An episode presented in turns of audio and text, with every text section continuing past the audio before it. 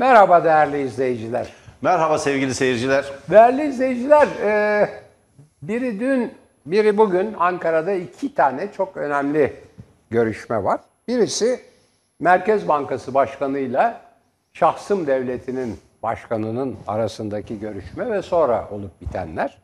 Öbürü de bugün olan, o dün olan görüşme Devletle görüşmüş oldu değil mi hocam? Ee, herhalde, herhalde.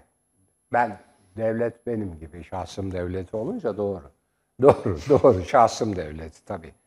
Ee, bugün olan görüşmede, bu sefer kimin görüştüğü e, çok belli değil ama Dışişleri Bakanı'nın ifadesi olduğuna göre, yani görüşme hakkında bir şey söylediğine göre herhalde Dışişleri Bakanı'nın bilgisi belki de onunla görüşüldü. Onu tam tahkik edemedim. Taliban'la bir görüşme var. Taliban'la görüşme konusunda Dışişleri Bakanı'nın da söyledikleri var. Şimdi ona da geleceğiz. Ee, ama önce ben bu e, Merkez Bankası Başkanı'yla Şahsım Devleti Başkanı'nın görüşmesine e, biraz böyle e, hem siyaset açısından hem ekonomi açısından hem ahlak açısından bakmak istiyorum. Şimdi önce olayların e, kronolojisine bakalım. Bu kronoloji çok önemli. Siz bunu yaşadınız. Yani 15 yaşında bu işlerin içine girmişsiniz. Yani kim, ne zaman, nerede öldürüldü, ondan sonra hangi e, kitlesel katliamlar oldu. O sırada Bugün yazınızda, bugünkü yazınızda Evet. belirtmişsiniz hocam. Teşekkür ederim. Çok teşekkür ederim. Ondan Güzel bir- sonra o güzel sırada bir kronoloji ve teşekkür çok iyi ederim. anımsatma. Eksiği vardı filan ama işte o yer yok filan herkesi yazamıyorsunuz filan. Yani örnekleri seçmişsiniz Sağ olun. gayet yerinde. Çok teşekkür ederim. Onu evet bugünkü yazımı doğrusu onu düşünerek de söylememiştim. Çok teşekkür ederim. Bugün Cumhuriyet'te de Rica ederim yazdım. hocam. Yani kim çok teşekkür ederim. Rica ederim. Ee, kim kimi ne zaman öldürdü, kimler öldürüldü? O sırada e, iktidarda kim vardı, kimin arkasından gelmişti, ondan sonra kim geldiye filan. Baktığınızda bu yakın tarihle ilgili zaten bir kronoloji çalışmamız var. Bir genç, çok değerli bir arkadaşımla birlikte yapıyoruz. O kronoloji çalışmasına bakarken benim dahi gözümden kaçmış. Ama tabii bu ilişki böyleydi. Bak burada da ortaya çıkıyor dediğim bir sürü olay var. Şimdi dünkü kronolojiye bakıldığında ve biraz da geriye giderek düşündüğümüzde şöyle şeyler var. Şahsım devleti kurulurken diyor ki şahsım devletini yöneten, e, yönetmeye talip olan politikacı o sırada AKP Genel Başkanı Erdoğan diyor ki bu kardeşinize diyor yetkiyi verin. O zaman diyor bu faizle, dövizle ve ekonomiyle nasıl başa çıkılır göreceksiniz diyor. Bu işte Tele1'de bunu tekrarlıyorlar. Kendisi söylüyor. Ben söyle ben biliyorsun zaten öyle gizli saklı yapılmayan, söylenmeyen şeyleri açıklıyorum filan demem. Yani benim o, o da değerli. Onu bilenler var. Merdan Bey'in de öyle kaynakları vardır, istihbarat kaynakları. Ben de merakla dinliyorum, öğreniyoruz. Ee, bugün işte şey var, bu e, barışlar, iki barışın her yazısında hem Terkoğlu'nda hem Pehlivan'da bir sürü bilgi öğreniyoruz filan. Ee, her neyse şimdi kendisi söylüyor. Diyor ki bu, bu kardeşinize gayet alçak gönüllü. E, politikacılar o isterken gayet alçak gönüllü isterler.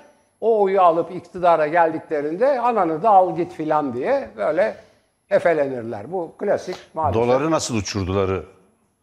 E işte o. Tabii, o Şimdi mesele bu- o. bu- bu- dolar uçtu, herkes kendi kendine uçtu zannediyor hocam. Hayır şimdi o, o işte.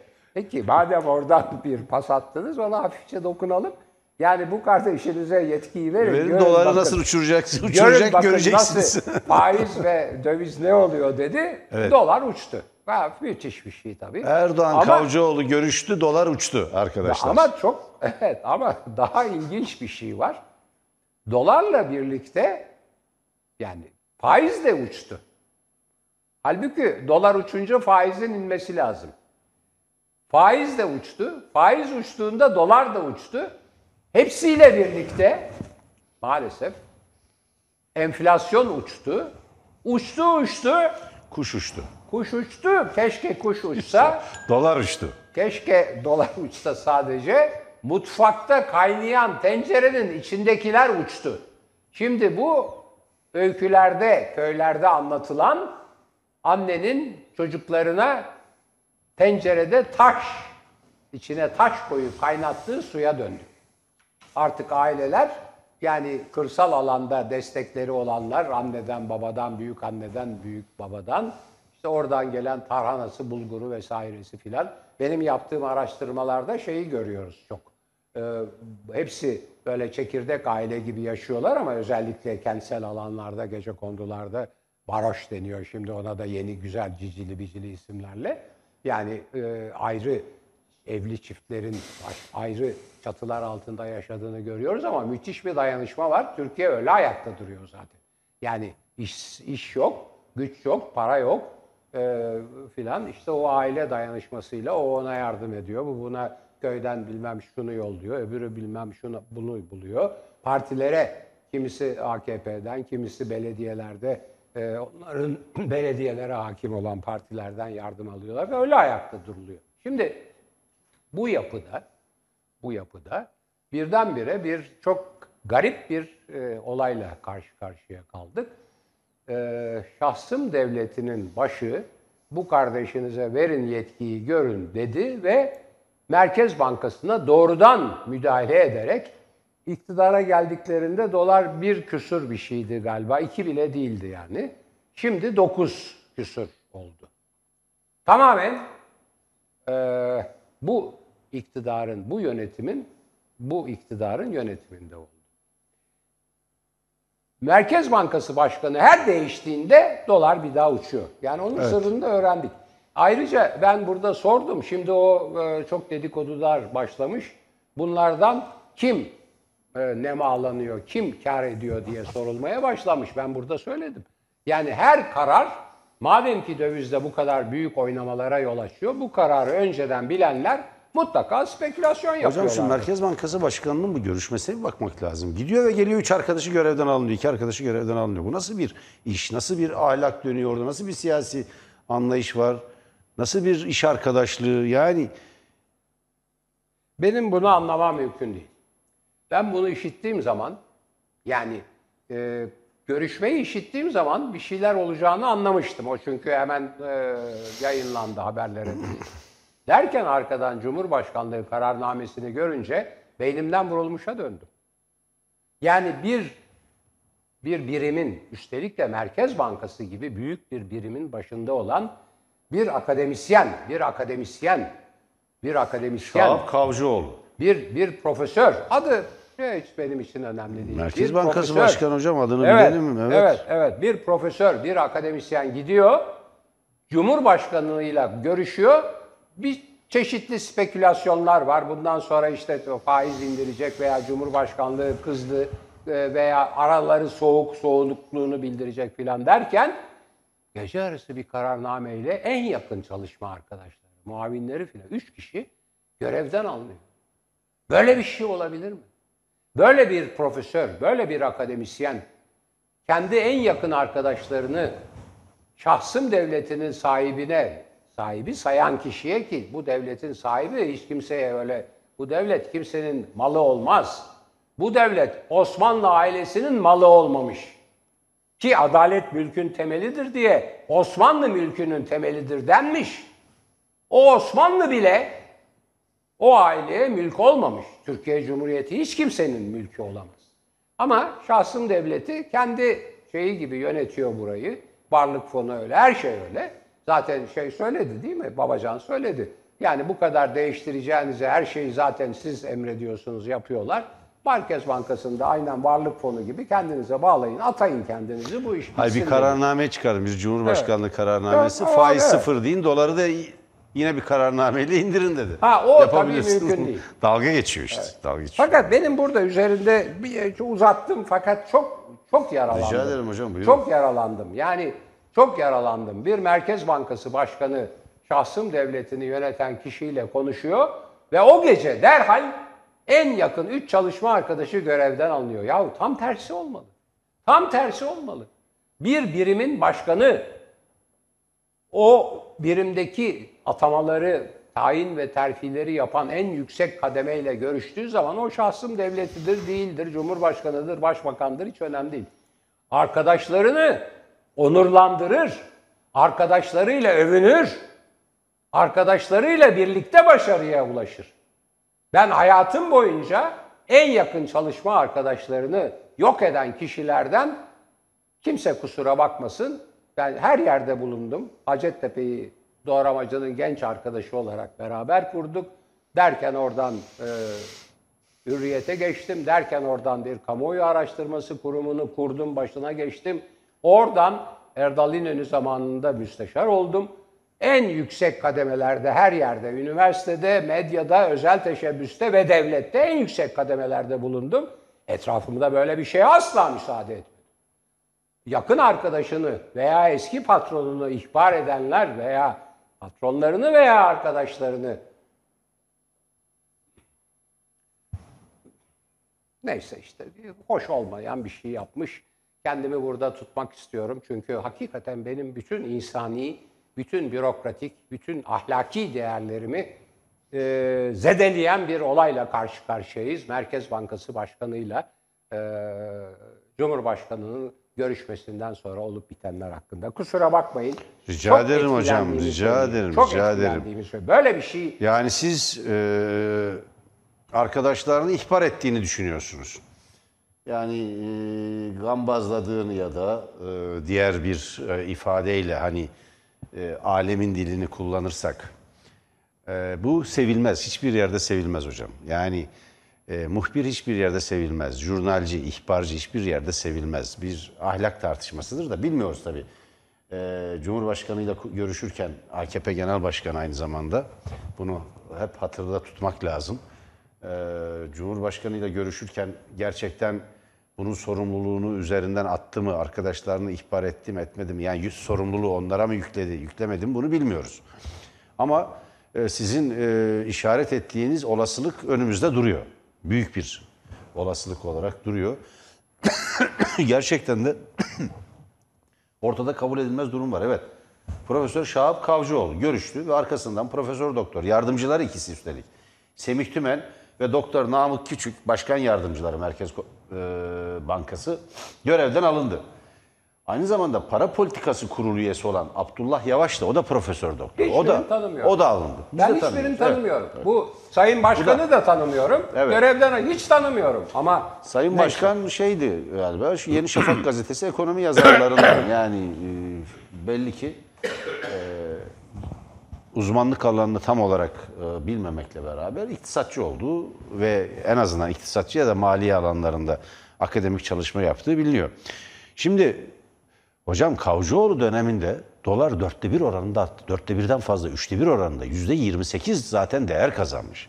Bugün de 9 lirayı geçti. Bugün de 9 lirayı geçtim.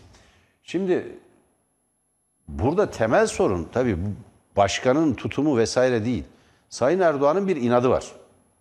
O inatla Merkez Bankası şeyi düşürecek, faizleri düşürecek. Çünkü faiz ve enflasyon arasındaki ilişkiyi bir türlü doğru kuramadı. Enflasyonu düşürecek. Dolayısıyla Merkez Bankası faizi düşürünce enflasyon düşecek ve böyle kademeli bir şekilde faizi indirerek enflasyonu düşüreceğini ve ekonomiyi düze çıkaracağını zannediyor. Hocam bunun mesleği, e, Sayın Cumhurbaşkanı mesleği neydi? Ben ben iktisatçıyım dedi. Tabii değil mi? İktisatçıyım dedi. Ekonomistim dedi. Ekonomistim. Ya, ne dedi? Hatırla. Yok, yok, ekonomistim dedi. galiba, Tabii, tabii. Halk Ekonomistim dedi. terim ekonomistim. Ya ekonomist, iktisatçı aynı şey zaten. Bu şey, e, müthiş bir tablo var önümüzde. Türkiye bir ekonomist tarafından yönetiliyor değerli seyirciler. Gezi, gezi, gezi olayları sırasında da ben sosyologum demişti. Öyle mi? Evet. Aa ben onu kaçırmışım bak. Evet, evet ben Ben sosyologum onu dedim. E, demek ki Ben şey... bu işleri iyi bilirim. Ben toplumun nabzını tutarım. Ben sosyologum demiştim. Evet neyse. Evet yani önümüzde matematikle ilgili bir sorun var mı hocam Türkiye'yi bekleyen? Bir matematik sorunu varsa yandık yani. Dolayısıyla değerli seyirciler, e, dolardaki her artış girdi maliyetlerinde yükseliş demektir üretimde. Ve bu pahalı ürün, pahalı mal demektir. Pahalı çarşı, pahalı pazar ve insanlar için hakikaten Cumhuriyet Halk Partisi yöneticileri ve diğer e, muhalif e, siyasetçiler uyarıyorlar. Bu kış insanları, bu kış insanların bir tür e, ısınamayacakları, yeterince beslenemeyecekleri, ihtiyaçlarını gideremeyecekleri bir e, hani cehennem gibi demesek bile ona yakın bir felaketle karşılaşacakları bir dönem olacak. O bakımdan temel sorun şudur. Ne Merkez Bankası Başkanı'nı görevden almak, ne faiz indirmek vesaire. Erdoğan inat ettiği için bugün dolar fırladı. İnat ettiği için. 4,5 liraya geçerse ülke batar denmiş. Bakın Türkiye'yi devraldığı zaman doların şeyine bakın, düzeyine bakın. İnsanların satın alma e, paritesi üzerinden insanların satın alma güçlerine bakın. Türkiye'nin yarattığı katma değeri, istihdam imkanlarına bakın. Türkiye bugün 20 yıl öncesinden çok çok kötü bir durumda. Temel sorun Erdoğan'ın ve AKP zihniyetinin vahşi, hiçbir kural tanımayan, kendine özgü şark usulü piyasa ekonomisinden kaynaklanıyor. Sorun Erdoğan'dadır. Erdoğan gitmeden ekonominin düzelmesinin imkanı yoktur. Pahalılığın nedeni de Erdoğan'ın tutumudur. Türkiye'yi yönetme biçimidir. Ekonomist ya. Ekonomiyi yönetme anlayışıdır. Antidemokratik rejimin de baskının da insanları insanların boğazını sıkan boğazını sıkan bu rejimin de nedeni Erdoğan'ın kendisidir. Onun e, Cumhurbaşkanlığı hükümet sistemi diye bir takıntı haline getirdiği modeldir. Ve iflas eden de budur işte. Dolayısıyla sorun AKP ve Erdoğan'ın gitmesidir. Türkiye'nin demokratik güçleri, Türkiye'nin ilerici güçleri, Türkiye'nin e, özgürlüklerden yana bütün güçleri, Türkiye'nin inananı inanmayanı, sağcısı solcusu, kendisini nerede tanımlıyorsa tanımlasın. Ama Türkiye paydasında birleşen bütün yurtsever güçleri, demokrasiden ve özgürlüklerden yana herkes, herkes, Cumhuriyetin değerleriyle kavgalı olmayan herkesin öncelikli görevi bu ortama son vermektir. Demokratik bir biçimde Türkiye'yi seçime ta- taşımak ve seçimlerde yine demokratik yollardan Erdoğan yönetimine son vermektir. Erdoğan gitmeden ne ekonomi düzelir, ne demokrasi gelir bu ülkeye, ne özgürlükler kazanılabilir, ne doğru düzgün bir edebiyat ortamı, ne doğru düzgün bir medya ortamı olabilir, ne de çarşıda, pazardaki yangın söner diye düşünüyorum. Evet. Sorun Erdoğan. Evet. Çok haklısınız. Bu adalette de böyle. Yani Adalet hepsinde, adalette de hepsinde. böyle, hukukta da Daha böyle. adil bir Yani Türkiye olmaz. Habire şey açıklıyorlar. Adalet Mahkemeler adil karar veremez hocam bunlar olduğu Hayır, habire adalet reformu açıklıyorlar. Aman açıklamasınlar çünkü hep bir şey, kötü bir şey yapılacağı zaman Türkiye'de bir gene haksızlık, hukuksuzluk yapılacağı zaman bir reform açıklıyorlar. Ve reform açıklanırken o hukuksuzlukları yaşıyoruz. Bilmem kaç kişi gözaltına alıyor, bilmem hangi dava, bilmem nasıl bağlanıyor filan. Şimdi fevkalade doğru. Yani mühim olan, bakın onu anlatacağım, anlatmaya çalışacağım. Siz zaten biliyorsunuz. televizyon- Reform düzeltme anlamına gelir. Bunlar da bozma anlamı taşıyor. e, aynen. Çok tuhaf. Şimdi bakın değerli izleyiciler bu demokrasi, temel hak ve özgürlükler, laiklik, hukuk devletinin filan bir anlamı var. Bunların doğrudan pencereyle ilişkisi var ama önce başka bir şey söyleyeceğim. Sevgili Yanardağ konuşurken burada bir hata yapmayayım diye tekrardan girdim baktım. E, çünkü demiştim ki iktidara geldikleri zaman dolar bir küsur bir şeydi. Tekrar baktım size söyleyeyim kesin sayıları söyleyeyim. Rakam deniyor Türkiye'de. Efendim bilmem gelişme rakamları, bilmem enflasyon rakamı. Yanlış falan. kullandınız, sayı Rakam demek. değil onlar, sayıdır. Rakam harf gibidir. Sayı da kelime gibidir. Neyse, sayılarını söyleyeyim size. 2002 ortalaması yani iktidarı kazandıkları günün ortalaması, yılın affedersiniz, 2002 yılının ortalaması. Çünkü en şeyler var, en ucuz alış satım, en yüksek var ve bunlar satış rakamları yani en yüksek. En ucuzu alım olsa daha ucuz olabilir. Ben en yüksekten aldım. Haksızlık etmek istemiyorum çünkü bir şey söylerken. Ee, 2002 yılında bunu size de tevdi edeyim, unutmayın bu sayıyı, kesin sayı. 1,5 1 yani 1,51 yani bir buçuk. Bir beşten 1 az dolar olunca- 1,5 lira hocam. Evet 1 dolar 1,5 lira 2002'de aldıklarında. 1 lira 50 kuruş. 1 dolar 1 lira 50 kuruş. 50 kuruş. Bir de bir var ama Getirdiği o yere bakar mısınız? Evet. Türkiye'yi felaketten Yani kurtarmışlar. 2002'de Sevsinler sizi ya. 2002'de ortalama 1,5 lirayken. Bir hata yapmayalım, bir yanlış yapmayalım. Çünkü henüz o iktidara gelmemiş. Kasım'da seçimler yapıldı. 2003 ortalamasına baktım. Sıkı durun. 1,7,5. Hadi buçuğa ben ekleyeyim. 1 vir yani 1 lira 75 kuruş. Evet. Hadi o 5 kuruşu ıı, yuvarlayalım. 1,8 yapalım. Çünkü o yuvarlanırken işte 5'e kadar sıfıra yuvarlanır. Yok hocam yuvarlama 75 Neyse. kuruş. 1,75 kuruş. Hadi çok zorlarsanız 1,80 kuruş. 2003. Bugün kaç? 9 lira bilmem kaç kuruş. Kim yaptı bunu? 9 lira 19 kuruşa kadar çıktı hocam. Kim yaptı bunu? Şahsım devleti yaptı. Kim değil aslında. Ne yaptı bunu? Bunu şahsım devletinin yönetimi yaptı. Hep buradan söyleyip duruyoruz. Şimdi buradan hemen şeye geleceğim. Ee, bu demokrasiyle e, demin sevgili Yanardağ'ın söylediği bu iktidar gitmedikçe bu işler çözülmez ilkesine geleceğim. Değerli izleyiciler, yani e, izliyorsanız Kılıçdaroğlu'nu eğer ben geldiğimde şunu yapacağım, bunu yapacağım, söz veriyorum. Bunlar çok kolay şeyler diyor. Doğru. En önemli göstergesi bunun özellikle İstanbul ve sonra Ankara aynı hemen hemen onların şeyleri. İzmir zaten CHP'de olduğu için orada fazla bir değişiklik yok ama birdenbire inanılmaz derecede metro yatırımları tekrardan başladı. Bütün paralarına el konuldu ona rağmen. Bütün halkın verdiği e, bağışlara el konuldu. E, İller Bankası'ndan para verilir bunlara. Onlar sınırlandı, kısıtlandı. Yurt dışından kredi buldular bir takım işler yapmak, yatırım yapmak, otobüs almak için. Onlar onaylanmıyor. Hazine hazine garanti vermedi. Engellenmiyor. Hayır engellendi. Onaylanmıyor. Hala İstanbul'un kredisi bekliyor. Aldı krediyi izin vermiyorlar. Buna rağmen müthiş işler yapıyor. Kredi, e, yani yurtları açıyor, şunu yapıyor, bunu yapıyor. Neden? Hortumu kesti, hortumu.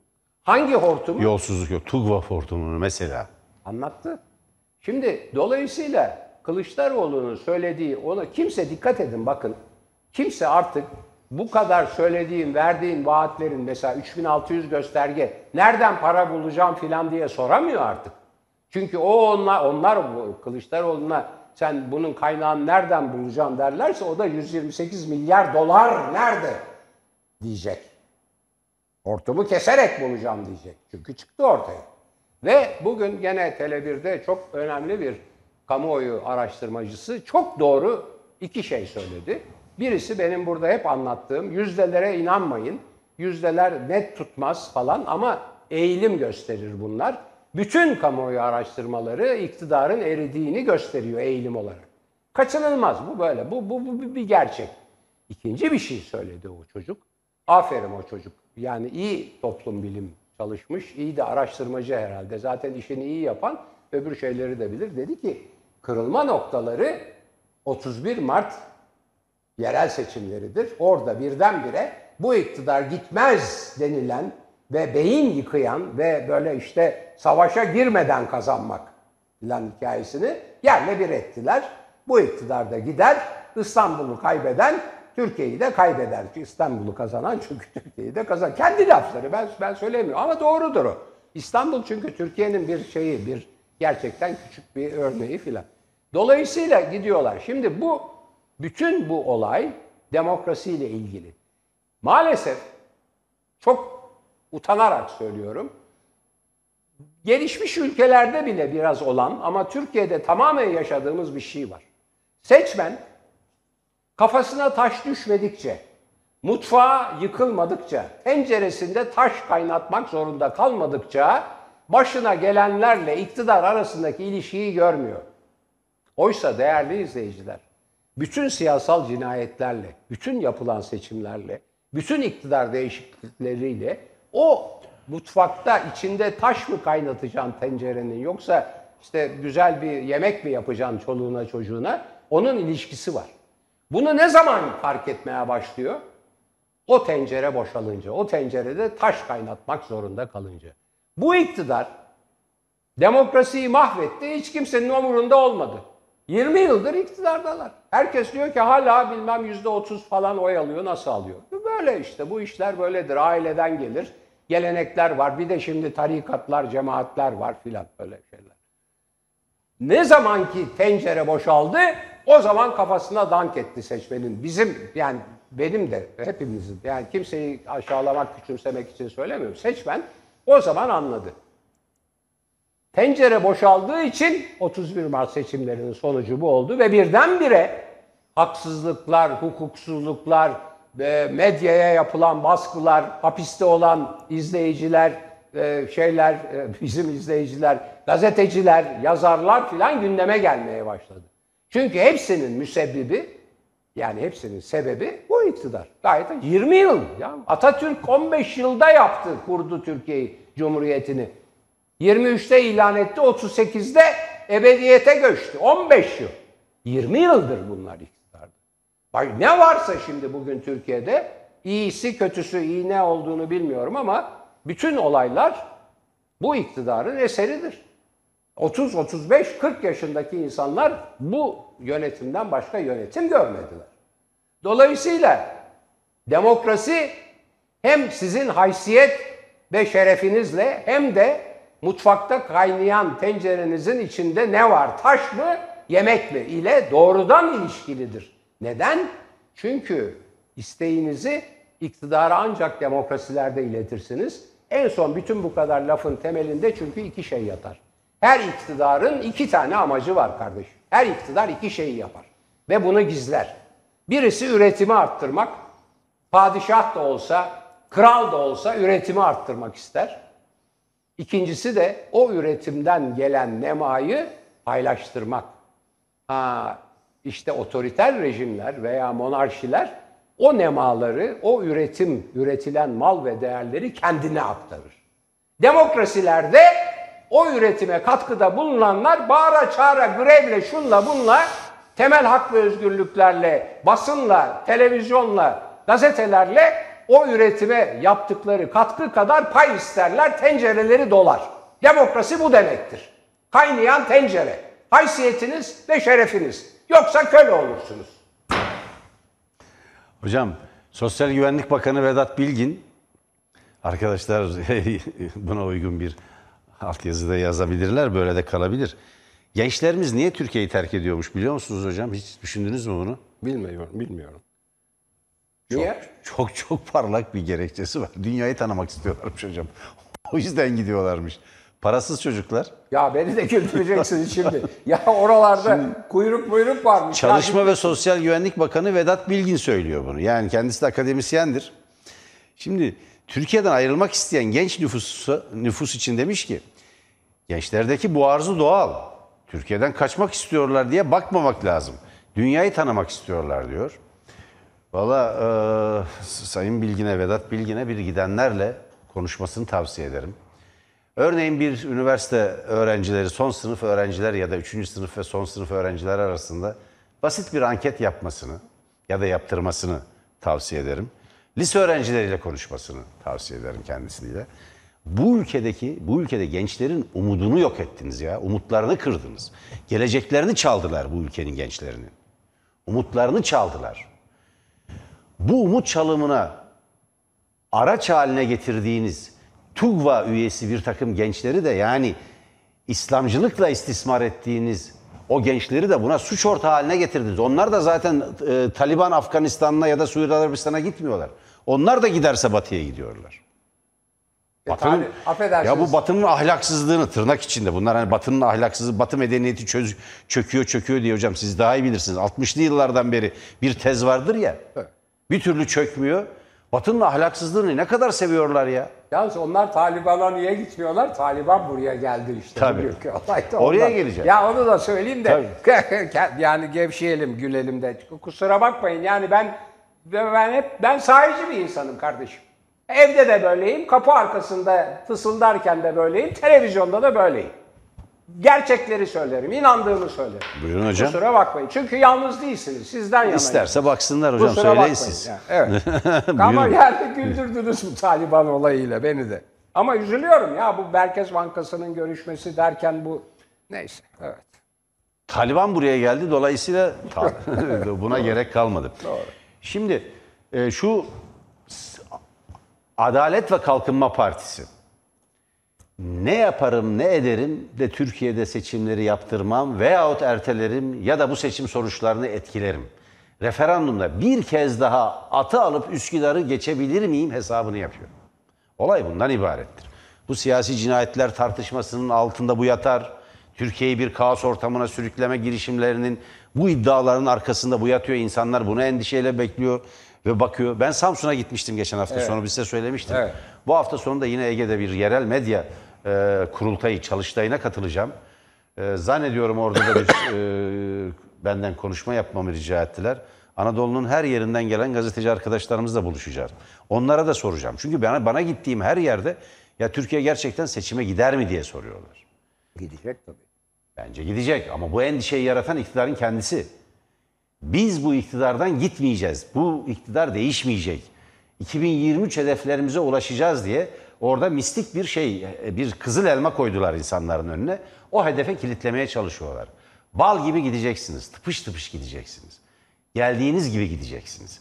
Ama sizin o çarpıttığınız gibi işgalcileri yok işte Atatürk'ün lafı İngiliz işgalcilerine demiş de vay siz hükümete şey mi diyorsunuz İngiliz işgalcisi mi diyorsunuz diye ucuz bir saldırı başlattılar ya öyle değil.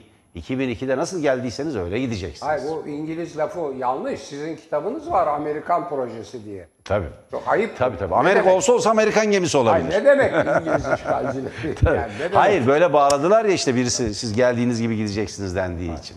Neyse. Bu seçimler kitabınızı olacak. Buradan okusunlar, evet, buradan kaçış mümkün değil. Ama insanlarda bir kaygı da var. Bugün hocam 5. boyutta bunu konuşacağız. Bu siyasal cinayetler nedir? Ne anlama geliyor? Saat e, bugün 22'de olacak. Nedir? Ne anlama geliyor? Bu tartı bu tartışma nereden kaynaklandı? İnsanların kaygıları nedir? Çünkü Karadeniz'deydim ben. Samsun'da konuştum herkes bunu sordu, soruyor. Yani bunların içinde konuştuklarım da sokaktaki insan da değil. Yani bu yerel ölçekte ciddi politika yapan, e, okuyan, eden ve çoğu soldan gelmiş insanlar bunlar. Çeşitli sol grup ve partilerin mensuplarıydı. Cumhuriyet Halk Partililer dahil buna. Yani Türkiye'de bir seçime selametle, demokratik ve adil bir seçime gidilip gidilmeyeceğine dair kaygı yaratan bu hükümetin kendisidir. Dolayısıyla bu hükümet herhangi bir merkez sağ ya da muhafazakar bir iktidar ve siyasal hareket değil. Rejimle, cumhuriyetle sorunu olan, cumhuriyeti tasfiye etmeyi ve yerine yeni bir devlet inşa etmeyi hedeflemiş bir iktidar. Bunu yapamadılar. Cumhuriyeti yıktılar ama yerine yeni bir şey koyamadılar. Buna görgüleri, bilgileri, birikimleri yetmedi. Gelenekleri yetmedi. Çünkü kapanmış bir çağın, orta çağın temsilcileri oldukları için kendileri bir parantez bile oluşturmayacaklar. O sizin sözünü ettiğiniz 20 yıla rağmen 20 yılda yıkamadılar. Bu ülkede bu devrimin kaç yılda gerçekleştiği bellidir. 19 Mayıs 1919, 29 Ekim. İstiklal Savaşı. Tabii. Arada bir savaş kazanmışsınız. Yani İngilizleri, Fransızları yenmişsiniz, İtalyanları sürmüşsünüz, Yunan ordularını denize dökmüşsünüz, işgalcileri. Ayaklananlarla, Tabii. halife ordularıyla Bir iç savaş yaşamışsınız ve saltanatı ve hilafeti tasfiye etmişsiniz. Orta çağ artığı çürümüş, çökmüş bir imparatorluğun külleri içinden, kalıntılar içinden genç, modern, dinamik, güçlü bir cumhuriyet kurmuşsunuz. Bütün bunları dört yıla sığdırmışsınız. Devrimcilik budur. Siz, sizin 20 yılda yıkamadığınız budur aslında. Ki 70 yıldır içi oyla oyla bir kabuğa dönüştü aslında. Birçok özelliğini yok ettiniz. Laikliği sulandırdınız, yok ettiniz. Onun demokratik ki e, 61 Anayasası Cumhuriyete demokratik bir boyut kazan, kazandırmıştı. Bu elbise millete bol, bu elbise topluma bol, bu anayasayla Türkiye yönetilemez diye diye 12 Mart ve 12 Eylül darbelerini yaptınız. Aynen. Ve ona rağmen, ona rağmen insanlığın ve cumhuriyetin ilerici birikimini yok edemediniz. Ve yok edemeyeceksiniz. O hani bir reklam arası falan diye güya dalga geçmeye çalışıyorlar ya. Reklam arası bile olamayacaksınız emin olun. Bu toplum sizi unutacak. Bu toplum sizi yine geldiğiniz yere, tarihin karanlıklarına gönderecek. Ait olduğunuz çağa gönderecek. Çünkü bir orta çağ e, değerler dünyasına ve ideolojik e, avadanlığına yaslanarak bugünün dünyasını, 21. yüzyılın dünyasını ve Türkiye'sini yönetmeye, bu dünyada politika yapmaya çalışıyorsunuz. Suriye çok tehlikeli bir şeye eşeğe doğru gidiyor. Bugün At- Hulusi Akar konuştu hocam. Yani onu değerlendirmeni rica edeceğim ben sizden. Ee, ve bir şey seyircilerimiz için çünkü e, biz e, Antalya'da Kaleçi Festivali'ni naklen yayınlayacağız. Buyurun bir e, Suriye Yani- meselesini kısaca yani- değerlendirirseniz. Hayır çünkü gelirken e, arkadaşlar beni çok sık uyardılar. Ben de dedim ki beni uyarmayın. Ben disiplinliyim. Dediğim saatte çıkarım. Tam- Siz genel yayın yönetmeninizi uyarın dedim. Siz bana soru yöneltiyorsunuz ama e, Kısaca. şöyle e, korkutucu savaş tamtamları çalınıyor. Sadece Akar'ın konuşmasıyla değil başka konuşmalarla. Bence Bir e, dış macera arıyorlar. Evet, bir dış maceraya gidiyor. Bence bunun biraz evvel Yanardağ'ın söylediği bu siyasi cinayetler ve seçim filanla ilgili Benim naçizane bir yazım var Cumhuriyet'te. Bakın siz değerli e, izleyiciler lütfen Cumhuriyet.com.tr'ye girin bilgisayarınızdan veya telefonunuzdan. Benim yazıma bir bakın. Oradaki ilişkiyi göreceksiniz. Basit, kısa bir yazı. Yani tüm okunması 2-3 dakika ya sürer ya sürmez. Evet. Hocam bizim festival yayınımız var. Antalya e, Muratpaşa Belediyesi'nin Kaleiçi Festivali. Eskişehir Festivali. Dünyadaki antik kentlerden gelen ki 36 ülke gelmiş. e, gelen e, yerel yönetimlerin, onların kültür ekiplerinin, dans topluluklarının ve sanatçılarının konserleri var. Bizden hemen sonra bir Çingene Orkestrası, bir roman e, roman orkestrasının müthiş bir konseri var. Kaleiçi Festivali Antalya'da ki bir tür belki de yaza da veda e, festivali denilebilir. Müthiş bir kültür şenliği.